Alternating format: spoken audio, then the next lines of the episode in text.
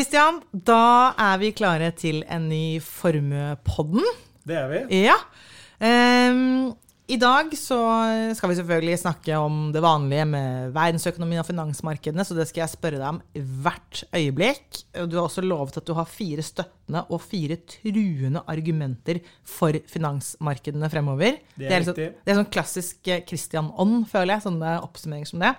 Det er bra. Skal vi snakke litt om eh, bevegelsene i oljeprisen. Og så er jeg veldig spent, fordi du har også satt opp uran og kjernekraft på, Yes. på agendaen. Og det trodde jeg at du ville like. Det likte, jeg, det jeg, det likte jeg veldig, veldig godt. Og så um, Ja, det kommer vi til da til slutt. Ja, og, og litt av grunnen til det det er jo ikke bare fordi kjernekraft eh, er i vinden, men det er også fordi at uran eh, får stadig større plass i en del finansielle medier knyttet til at investorer, finansielle investorer, også begynner å posisjonere seg i uran. Mm.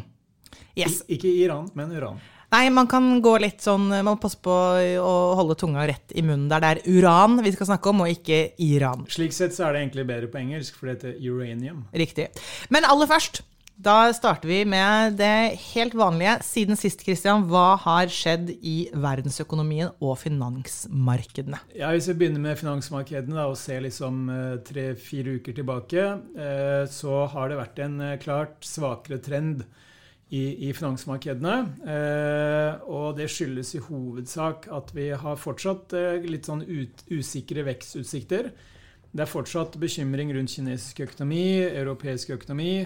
Eh, og det vi ser konturene av, det er jo at rentene, altså markedsrentene, de trekker eh, bare oppover og oppover. Mm. Eh, så hvis man ser på to av de viktigste rentene i verden, som da er den amerikanske eh, toårige og tiårige statsrenten, så er de nå på henholdsvis eh, høyeste nivå siden 2006 og, og 2007. Oi. Eh, og vi snakker da om rundt 4,5% på tiåringen og over 5% på, på toåringen.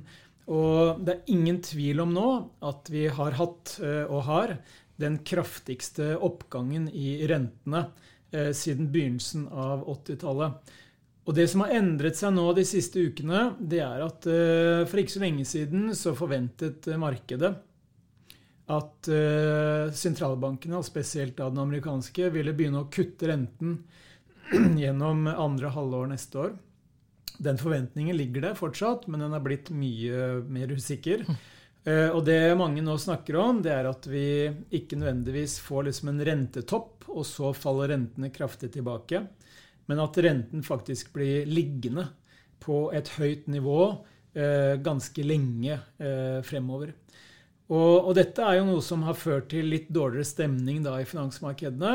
Eh, fordi et høyere rentenivå som vedvarer over tid, det øker jo, eh, etter mitt syn i hvert fall, eh, sannsynligheten for, for resesjon eh, ganske mye. En annen faktor som også bidrar til litt sånn uh, usikkerhet, det er jo, som vi kommer litt tilbake til, dette med oljeprisen. Fordi oljeprisen har steget er det 25-27 eller noe sånt nå, uh, siden bunnen. Og, og, det er jo noe sentralbanken ikke er så veldig glad i. For da kan uh, dette være med på å løfte konsumprisene igjen, i en situasjon der mange håper at denne inflasjonsbølgen på mange måter er liksom passert. Da. Så eh, ikke, det har ikke vært noe sånn dramatikk i finansmarkedene, det er ikke det. Eh, men globale aksjer er, er litt ned de siste 30 dagene. Uh, unntaket her, et hederlig unntak, det er Oslo Børs. Oi. Fordi når oljeprisen stiger, så det, har, har i hvert fall det vært veldig bra for Oslo Børs den siste tiden. Mm. Så de siste 30 dager nå så er vel Oslo Børs opp 5 mm. til og med forrige fredag. I dag, I dag, er det altså mandag som vi spiller inn denne pod-episoden.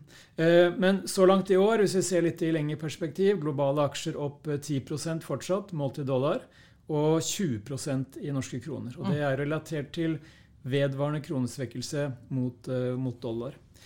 På sektornivå eh, siste tre-fire ukene så er det energisektoren, ikke overraskende, som det er i tet. Mens eh, fornybar energi og flyselskaper er blant de desidert svakeste. Og når det gjelder flyselskaper, så er jo også det relatert til økte drivstoffkostnader knyttet til, til oljeprisen. Men også fornybar energi er jo en sektor som eh, er ganske rentefølsom. Så når rentene da stiger, så er ikke det så bra for eh, disse selskapene som har en antatt stor andel av sin forventede inntjening langt frem i tid. Mm. Og når rentene da stiger, så betyr det økte diskonteringsrenter og lavere yep. nåverdi. Dette har vi snakket om mange ganger. Dette, om, dette snakker jeg også mye om i min, eh, min vanlige dayjob også. så er det et... I hvilken forbindelse da? Nei, det er nettopp dette med altså, hva man kan få som diskonteringsrente. er ganske viktig i forhold til hva blir prisen på det å bygge kjernekraft. fordi den, og Dette skal vi også komme litt tilbake til, men den virkelig store eh, altså den store faktoren når det kommer til det å bygge kjernekraftverk, det er rett og slett prisen på, på kapital. Eh, det er derfor det er så viktig å få kontroll på nettopp byggetiden og dermed byggekostnadene. sånn at eh, det er der du må jobbe for å få ned prisen, for å ja, få et godt case. Da. Nettopp. Spennende. Mm. Um, ellers så, hvis vi går litt tilbake til dette med amerikanske statsobligasjoner, uh, som er verdens viktigste oblasjoner, på sett og vis, da, uh, så har verdien av de der, med ti års løpetid, de har falt faktisk 3% i år. Så langt i år. Og den typen amerikanske statspapirer går altså mot det tredje året på rad med negativ avkastning for første gang i historien. Altså det har aldri skjedd før. At, første gang i historien? Ja. ja. altså Det har aldri skjedd før at liksom en av de antatt sikreste plasseringene du kan gjøre i den amerikanske staten, eh, har gitt da negativ avkastning tre år på rad, hvis denne tendensen ut året Oi. holder seg. Eh, så det vi også da ser på liksom, vi, som, eller i hvert fall for min del, som leser veldig mye om hva folk tenker og, øh, rundt dette med porteføljebygging osv., så, videre, så har jo den klassiske porteføljen langt tilbake i tid det har vært en kombinasjon av aksjer og oblasjoner, og hvor da statsoblasjoner er en viktig komponent på rentesiden. Og det mange da tenker nå i, i, i forhold til den økonomiske tiden som vi er på vei inn i, da, med kanskje mer urolig inflasjon som hopper opp og ned, og høyere renter osv., det er jo at den eh, klassiske porteføljen, eh, hvor du da bruker oblasjoner, statsoblasjoner, for å spre risiko, mm. For å motvirke da det som eventuelt skjer i aksjemarkedet, eh, det har blitt mye mer usikkert. Fordi det vi har sett nå den siste tiden, det er jo at oblasjoner og aksjer faller i verdi samtidig. Ja. Og, det, og, det, er jo som Leif Juster en gang sa, mot normalt. normalt. Og, og, det mange da lurer på, er liksom om obligasjoner og statsobligasjoner først og fremst eh, vil forbli mindre gode eh, som, som liksom risikospredende komponenter. Ja, Hva svarer du på det, da, når folk lurer på det? Nei, altså eh, Nå investerer ikke vi så veldig mye i statsobligasjoner her i formue. Nei. Men det er veldig mange andre som gjør det.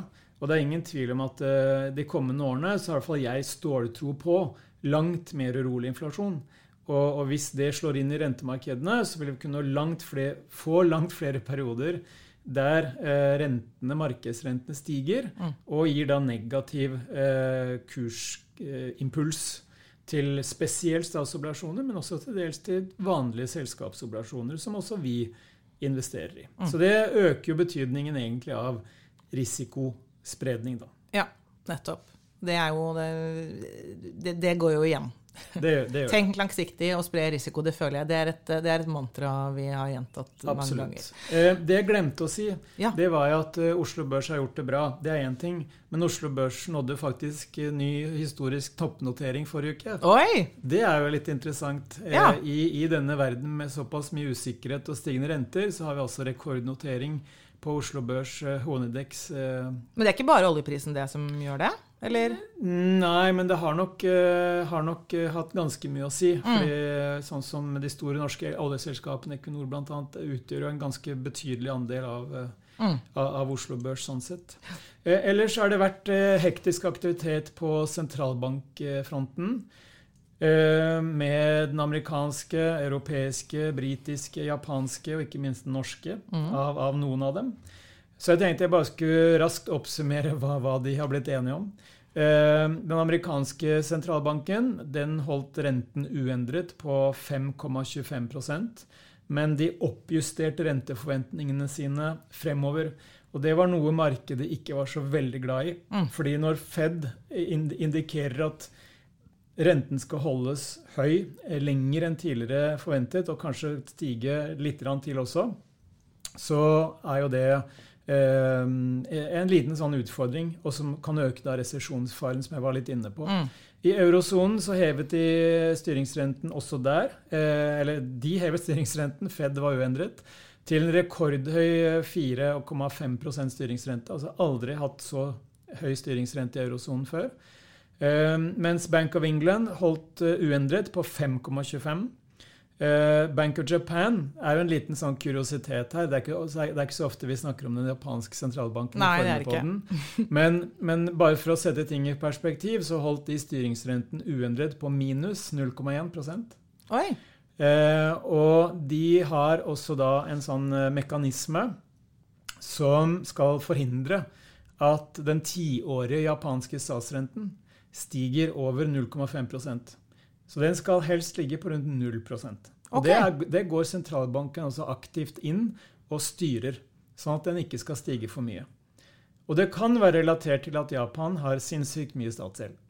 ok, okay så vi kaster de, de liker ikke høye renter i Japan. Nei, nettopp. Nei. Eh, Norges Bank eh, hevet til 4,25% og signaliserte en ny heving i desember. Altså høy sannsynlighet for en ny renteheving oh, i desember. Enda mer. Og det var litt mer aggressivt fra, fra sentralbanken i Norge enn det markedet hadde trodd.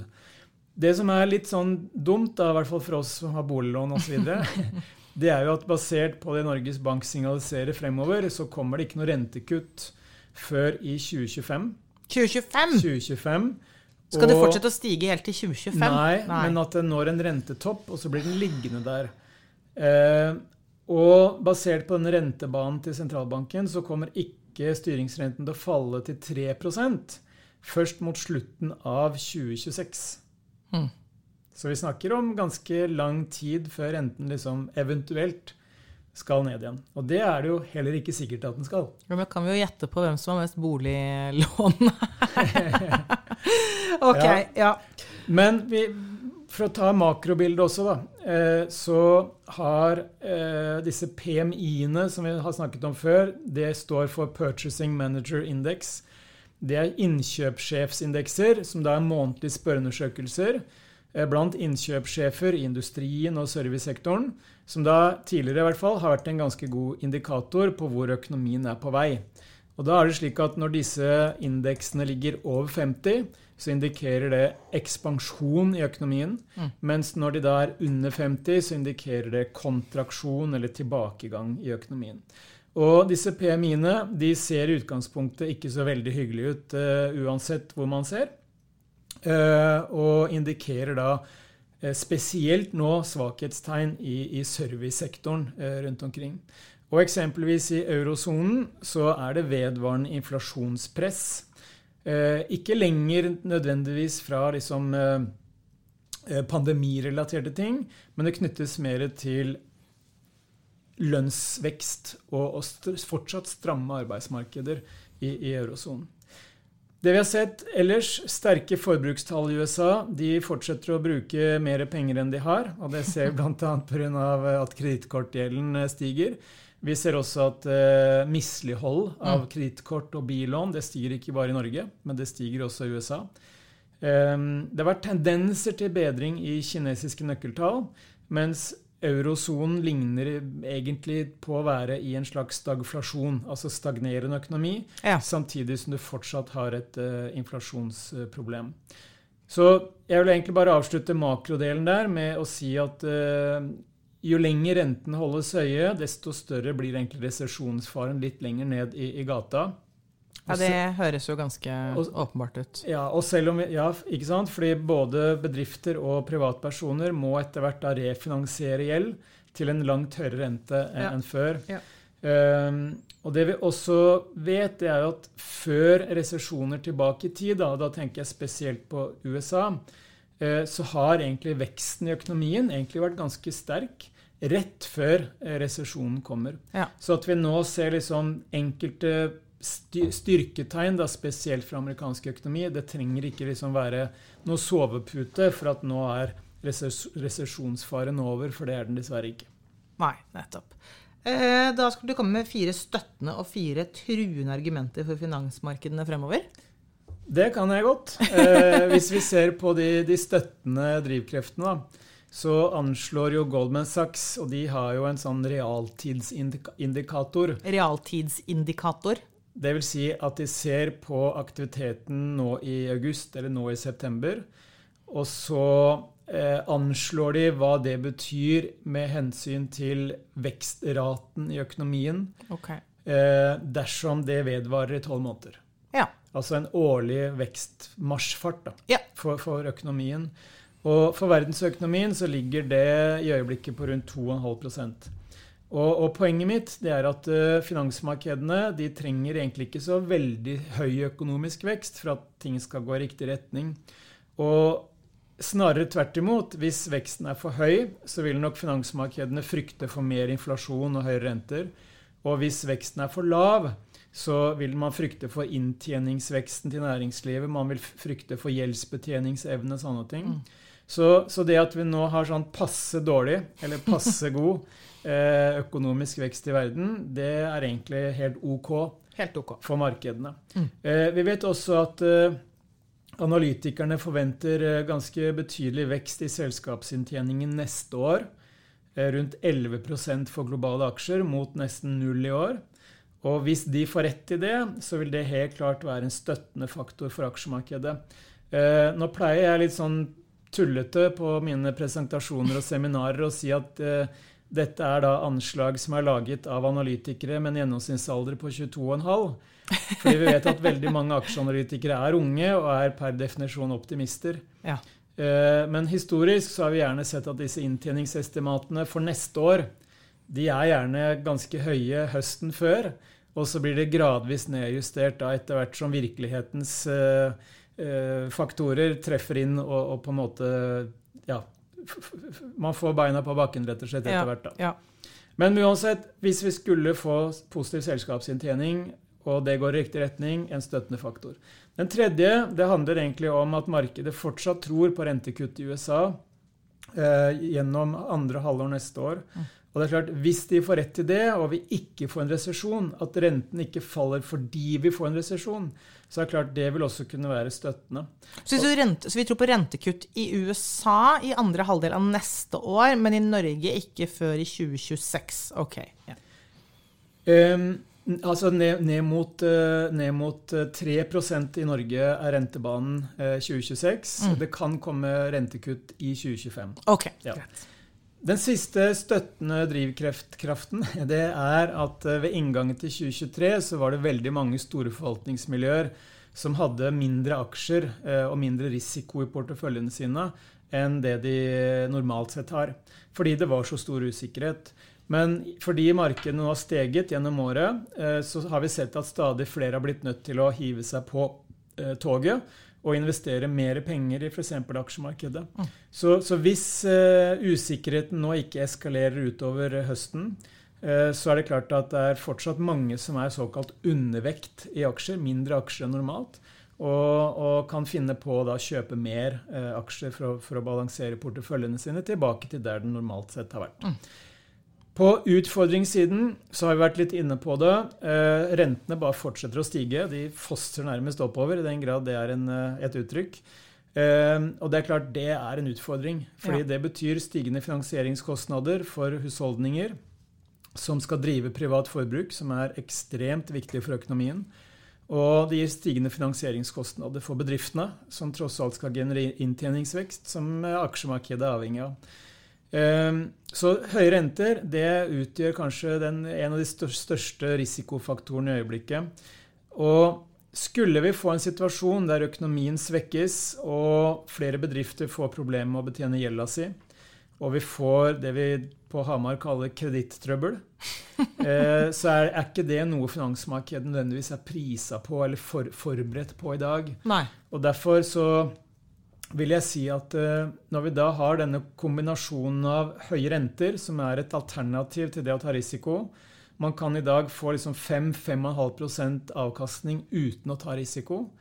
Ehm, så er det sammen med et finansmarked som er veldig følsomt for dårlige nyheter, skuffelser, eh, en, en definitiv konkurrent da, mm. til, til, mer risikable investeringer. Så de positive, altså passe god økonomisk vekst, forventninger om økt selskapsinntjening, forventninger om rentekutt og at mange er undervektet aksjer. Mm. Og utfordringer, høye renter, markedene ikke priset for kredittrøbbel. Eh, renter en konkurrent for risikable investeringer og høy følsomhet for dårlige nyheter. Yes.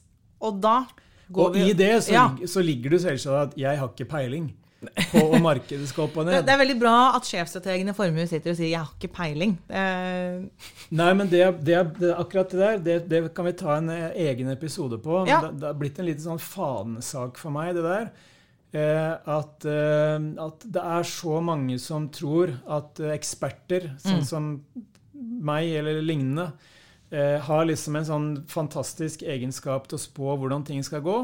Men, men, dessverre så har vi ikke det. Det syns jeg absolutt vi skal ta en egen episode på, for det syns jeg er ganske interessant eh, også. Det er det. det, er det. Um, men da skal vi eh, holde oss til dagens, dagens, plan, og neste punkt på agendaen det er oljeprisen. Du sa at den er opp eh, i overkant av 25% siden bunnen, og ja eh, hva, hva starter vi med her? Ja, altså eh, oljeprisen eh, og veldig mange andre priser, mm. som uran, som skal komme tilbake til, eh, det er jo en funksjon av tilbud og etterspørsel. Og hvis vi tar de to tingene veldig sånn kort oppsummert, så har vi i august eh, rekordhøy etterspørsel etter olje.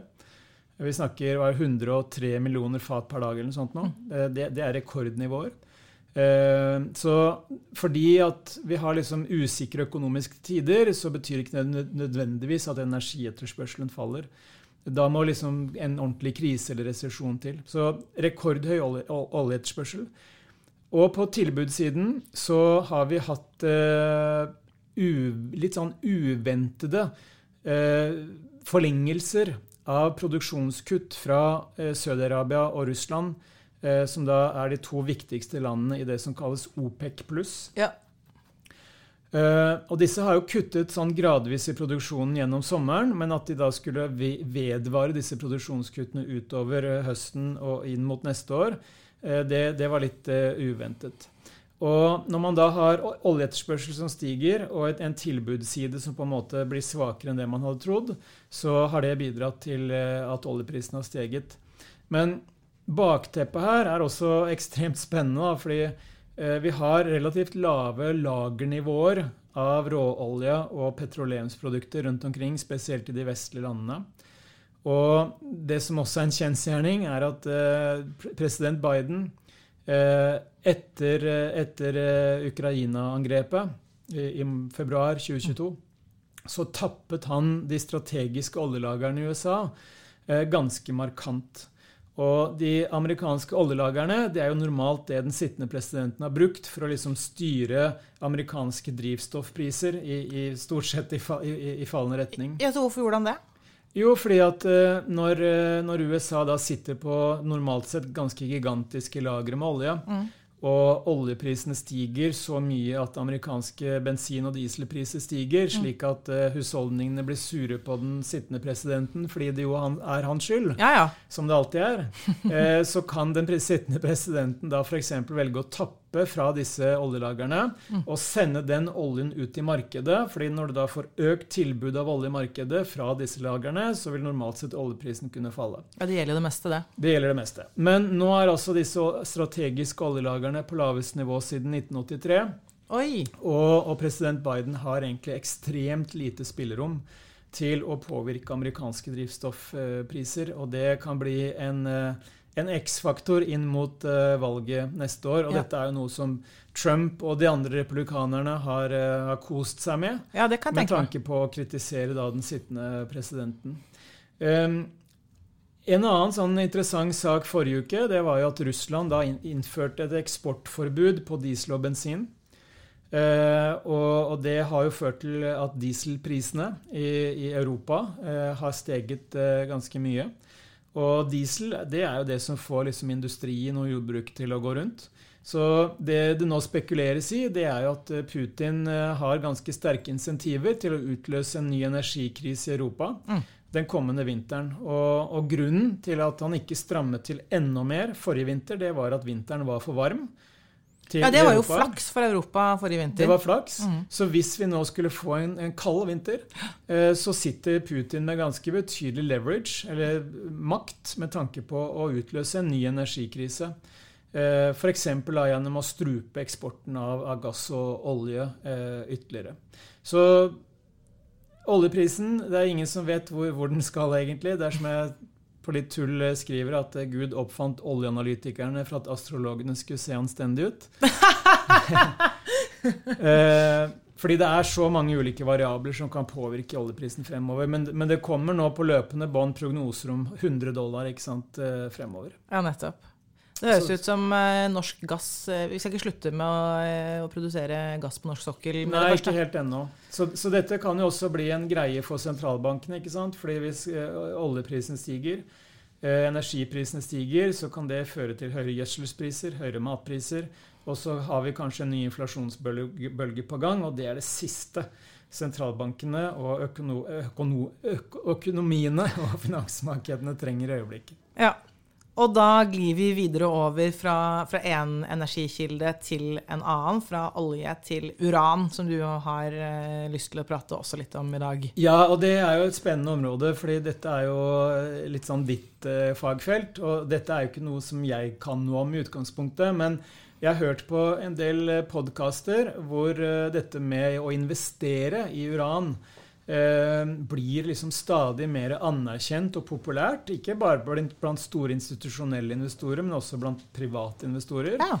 Og det har jo faktisk dukket opp eh, såkalte børsnoterte eh, indeksfond som da investerer i uran. Mm. Eh, blant annet en med, med det festlige navnet Geiger Counter ETF. Ja, jeg jeg syns den var ganske fantastisk. Ja. Som da investerer i selskaper som utvinner og bearbeider eh, uran. Og, og den ETF-en er opp eh, er det 20 nå siden, eh, siden sommeren.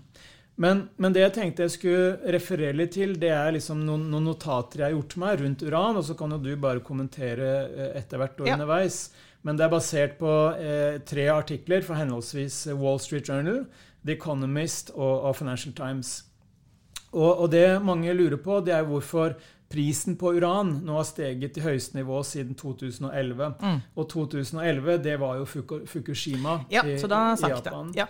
Uh, og hvorfor er liksom interessen for uran på vei opp blant investorer? Og, og noe av det vi kommer tilbake til, det er jo balansen mellom tilbud og, og etterspørsel.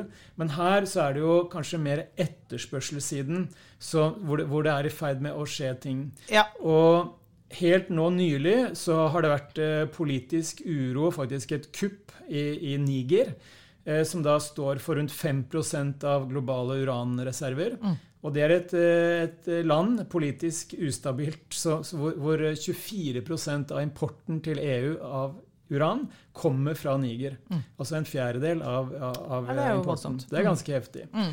Men det er også forventninger om stigende etterspørsel og investeringer fra myndigheter i, i flere land knyttet til bl.a. dette med å redusere fossile utslipp for å få renere og til dels billigere, forhåpentligvis, energikilder. Så eksempelvis nå eh, globalt så er det 60 nye reaktorer eh, som er under eh, bygging. Mm. Eh, og det er knyttet nye reaktorer bare de siste kvartalene til strømnettet, i USA, Europa og Asia. Bare for å kommentere det, da, fordi Hvis man ikke har noe å sammenligne det tallet 60 med, så kan det være greit at det fins 440 i verden i dag, så 60 er en betydelig økning av verdens totale kjernekraftproduksjon. Ikke sant? Mm. Eh, og det vi også ser, det er at Kina bygger 24 reaktorer i øyeblikket av Ja. de 60. India, der skjer det også Ja. store ting. Og i tillegg så får man politiske insentiver nå for å videreføre driften i flere eksisterende kjernekraftverk. Og bl.a. i USA, gjennom denne Inflation Reduction Act, så har det også blitt gitt insentiver for å videreføre aktiviteten på de reaktorene som, som er der fra før. Mm. Um, og dette betyr jo at uh, jo, når det kommer da flere reaktorer i gang, uh, så vil jo etterspørselen alt annet likt på, på sikt uh, øke. Og hvis det da eventuelt er begrensninger på tilbudssiden, så vil jo det kunne påvirke prisen som vi, som vi, ser i øyeblikket. Mm. Um, det som også er interessant, ifølge The Economist, så er de to største produsentene i verden av, av uran de er utsolgt frem til 2027. Og hvis vi da tar med i betraktning at det tar mellom 8 og 15 år fra uran blir funnet eh, i jordsmonna eh, til gruven er klart å utvinne den, så er det klart dette hvis man skulle få en voldsom bølge i etterspørselssiden, da, så ville det kunne ta tid mm. å på en måte møte den etterspørselen gjennom ny, nye forekomster. Riktig. Men så er det jo som vi snakket om litt før opptak her, at uh, dette med mangel på uran er vel heller ikke veldig sannsynlig. Nei, jeg er veldig enig at her handler det om etterspørsel, og ikke egentlig hva som fins. For det fins mye av det. Ja, fordi mm. mange av de store landene de har jo ganske solide lagernivåer mm. av, av, uran uh, som de kan bruke dersom det eventuelt skulle bli knapphet uh, på det. Mm. Um, men det som også er interessant i forhold til eh, uran her, da, det er jo at eh, um, Dette tidsaspektet Fordi de fleste eh, selskaper som kjøper uran, og som skal drive atomkraftverk eh, f.eks., de kjøper dette på veldig lange kontrakter. Og det betyr jo at hvis man nå eventuelt skulle få en situasjon der etterspørselen stiger så mye at eh, tilbudssiden ikke klarer å holde tritt, så vil ikke det bli et problem før om flere år. Nei, nettopp. Man har mye tid på seg, og det er et viktig poeng. Og så vil jeg også komme en liten kommentar her for å bare eh, justere litt det du sa der. Um, fordi eh, uran som råstoff det er jo det som er det vanligste å bruke. altså Som går inn som brensel i kjernekraftverk. Men man bruker ikke uran direkte. Så det er ikke sånn at hvis um, hvis vi har et kjernekraftverk, så kjøper vi ikke Det er ikke vi som kjøper uran og putter det inn i kraftverk. Det er ganske mange andre steg fra liksom uran som du utvinner i bakken, til du har brensel. Så det er de som skal lage brensel. Det er anriket uran du bruker? Ikke ja, det, det, altså For de som har lyst til å lese seg mer opp på dette, her, jeg har lyst til å komme med et lite tips på det, som er litt sånn, går litt mer i hvordan er det dette fungerer, så, så heter dette her eh, brenselsyklus på norsk, eller The Nuclear Fuel Cycle. Så det er det man kan søke seg på. Og alt det som skjer da fra uran fins i bakken til man har fått laget brensel som man putter inn i kraftverket, det kalles the front end, altså forsiden av, eh, av denne sy syklusen. Og World Nuclear Association er et sted som er en ganske god kilde synes jeg, til å begynne liksom å lese seg opp på hvordan er dette egentlig henger sammen. Og, de som, og på en måte den veien fra uran er i bakken det er jo da noe man driver gruvedrift på, og så skal det bearbeides litt. Og så er det da eh, brenselsprodusenter som vil kjøpe uran og anrike det og lage eh, uranbrensel av det. Så det er jo de som gjør den jobben. Eh, så for det første vil nok Jeg vil, vil, anta at de som jobber med å lage brensel, har ganske store lagre nettopp av uran on site. Og så er det jo også sånn at kjernekraftverkene, som kjøper brensel av en brenselsprodusent, de har også Det helt vanlig at man har brensel til et forbruk på en to-tre år med full mm. produksjon, mm. laget on site. Eh, Men det er også litt fordi du kan, du kan i, i, all praksis ikke gå tom. Nei, men, men et annet også Altså, du, du, du, bør ikke gå tom? Nei, du bør ikke gå tom. Absolutt ikke. Det, det vil du virkelig ikke. Men så er det også en hvis, altså, Um, vi så jo hvordan eh, tilgang til gass ble brukt ganske heftig i uh, ja, energikrig fra Russland mot Europa. Og som du også snakker om, er det er det, det, som kommer til å skje nå, nå fremover? Um, en, en, det en bra ting med det, er at nå jeg vil si at folk flest har fått et forhold til energisikkerhet. Og det mener jeg i seg selv er et, er et, gode. Jeg har jo snakket veldig veldig mye om kjernekraft i nå mer enn ti år. Og for inntil to år siden så har jeg aldri fått spørsmålet hvor skal vi få uran fra. Nå får jeg det hver eneste gang jeg prater. Hvis jeg ikke har snakket om det, så sier folk hvor skal vi få uranet fra. Mm. Og da er det viktig å forstå den forskjellen på det å ha uran som brensel i kjernekraftverk kontra å ha gass i et gasskraftverk. Fordi gassen eh, den er jo en, i prinsippet en kran du skrur av og på. Hvis du skrur av den tilgangen, så er det faktisk slutt ganske, mm. ganske momentant. Mm. Men et kjernekraftverk har jo da lagret ubrukt brensel til et forbruk, fullt forbruk på to-tre år on site. Så du kan ikke bruke det i krigføring på den måten. Du, altså, en brenselsprodusent eller en uranprodusent kan ikke på samme måte si nei, men nå vil ikke jeg selge til deg lenger. Nei, for, for, det var det som var litt av poenget mitt nå. At, Riktig. at eh, uh, Russland står altså for 40 av eh, produksjonen av anrikt uran. Mm. Og det er klart, det betyr jo da, hvis det er som du sier, at hvis Russland da eventuelt skulle gi et eksportforbud på anrikt uran, mm. Som bl.a. canadierne og amerikanerne mm. bruker, så vil det ta lang tid før det blir en energi krise ut av det. Riktig, og den vil jo se da Hvis de gjør det, så ser du veldig tydelig hva er det som kommer til å skje, og hva er det vi må gjøre nå for å fikse dette her. Så det er på ingen måte jeg vil si ikke en parallell til dette med tilgang på, på, gass. Du har tid på deg til å se på hvem er det du Er det noen andre du skal kjøpe anriket uran av, eller er det noen andre som skal drive med gruvedriften på det? Men, mm. så, ja, så det, er, det, er, jo litt viktig å, å ha det klart uh, for seg. Ja, men uansett, hvis 40 av, av eh, anrikt uran i markedet skulle bli borte, eller gitt primært da, til hyggelige priser til Kina og India, mm. da, så vil jo det sannsynligvis føre til ganske mye høyere uranpriser i, mark, i finansmarkedene. Det vil jeg absolutt tro. Så det er jo, I en periode, i hvert fall. Absolutt. Og altså den, eh, den eh, markedssiden av uran er jo det Det er jo heller ikke mitt eh, fagfelt. Og, og en, grunn til, en grunn til det er jo nettopp at for for jeg jobber jo med å, for å etablere kjernekraft i Norge. Og, og hvis, man, hvis, vi får til det, så er det jo rett og slett å etter hvert da ha kjernekraftverk som driftes i Norge. Mm, mm. Og sånn fra vår side, som da en eventuell fremtidig kraftprodusent, så er det ikke Altså prisen på uran har veldig, veldig lite å si for den endelige prisen på energien, eller fra strømmen, da, ut i markedene. For den, som jeg nevnte innledningsvis også, at den virkelig store kostnaden, hvis du ser kjernekraftproduksjon under ett, det er byggingen av kraftverket. Ja. Og den største delen av det er nettopp den derre hvor lang tid tar det å bygge kraftverket, og hva slags renter er det du må forholde deg til. Så det er slett kostnadene der. Men, men, også den byggetiden er vel på, på, vei ned, er den ikke det? Absolutt. Det, det, kom vel en del nye sånne modulbaserte reaktorer. Eh, jeg har lest eh, General Electric, yes. Rolls-Royce yes. er, inne i bildet. Det er to av de som, som jeg har veldig stor tro på. Ja, hvor lang tid snakker vi om da? Det vi snakker om der, er at man skal ned på en altså de, Sånn som Rolls-Royce sier vel at deres first of a kind, altså de første de bygger, skal være bygget på en tre til fire år. Og så håper man å komme ned på to til tre år når man da har, eh, har lært litt. Og det er nettopp det som har vært utfordringen i kjernekraftindustrien. at at hvert kraftverk har vært som et prototype megaprosjekt satt litt på spissen.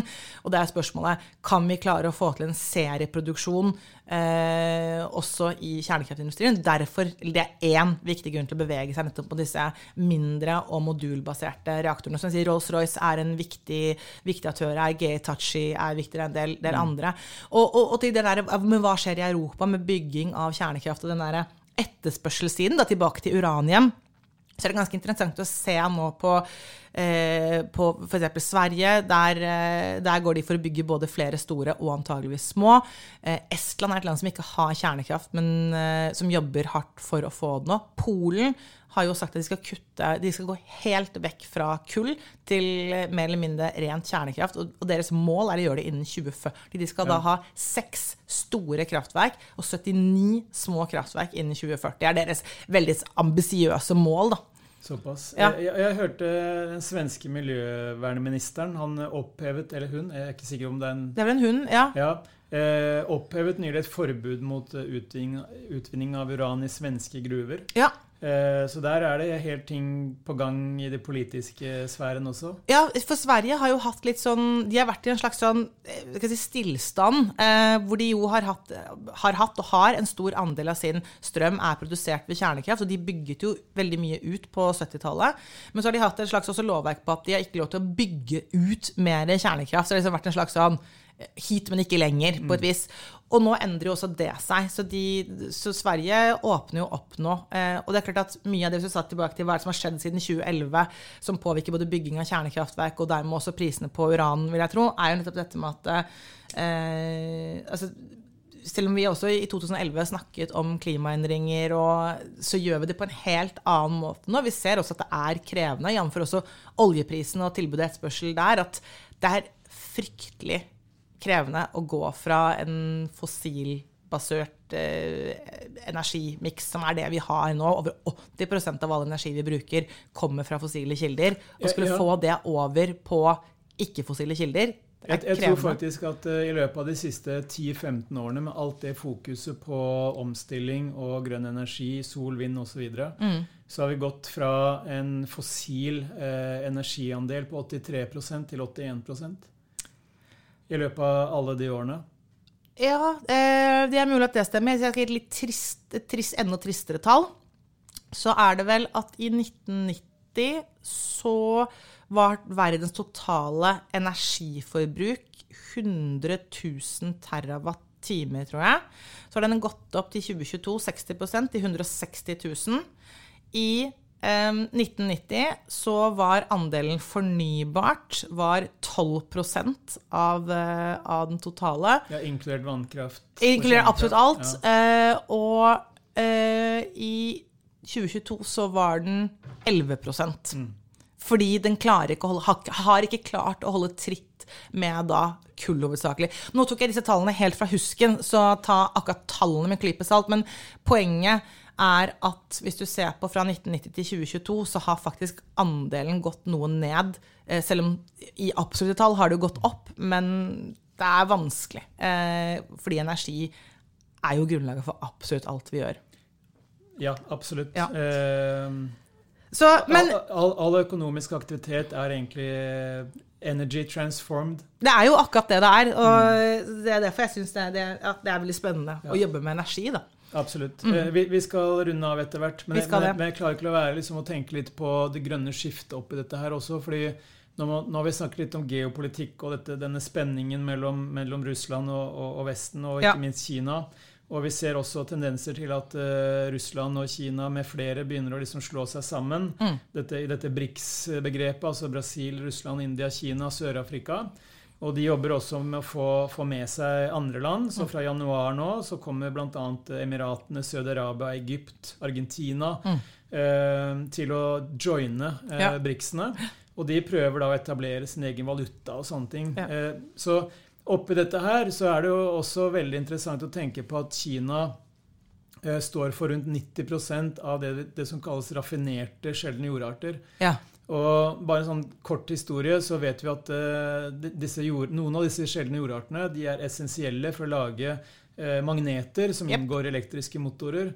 Og det er klart, hvis, eh, hvis denne antagonismen vedvarer eller blir verre, og Kina sier at hør her, dere får ikke lenger tilgang til disse sjeldne jordartene, dere får lage dem sjøl, Mm. så har jo f.eks. vestlige bilprodusenter, alle som driver med elektrifisering, de har et problem. Og det, finnes jo sjelden jordarter i Vesten og i Norge og i Sverige osv. Men utfordringen er at Kina har 30 års forsprang på å prosessere det. Yes. Så, så uansett om vi da blir sittende med lua i hånda og skal lage dette sjøl, så vil det ta ganske lang tid før vi har produksjon nok. Helt klart. Eh, så det er, det er viktig å være klar over de, de tingene der.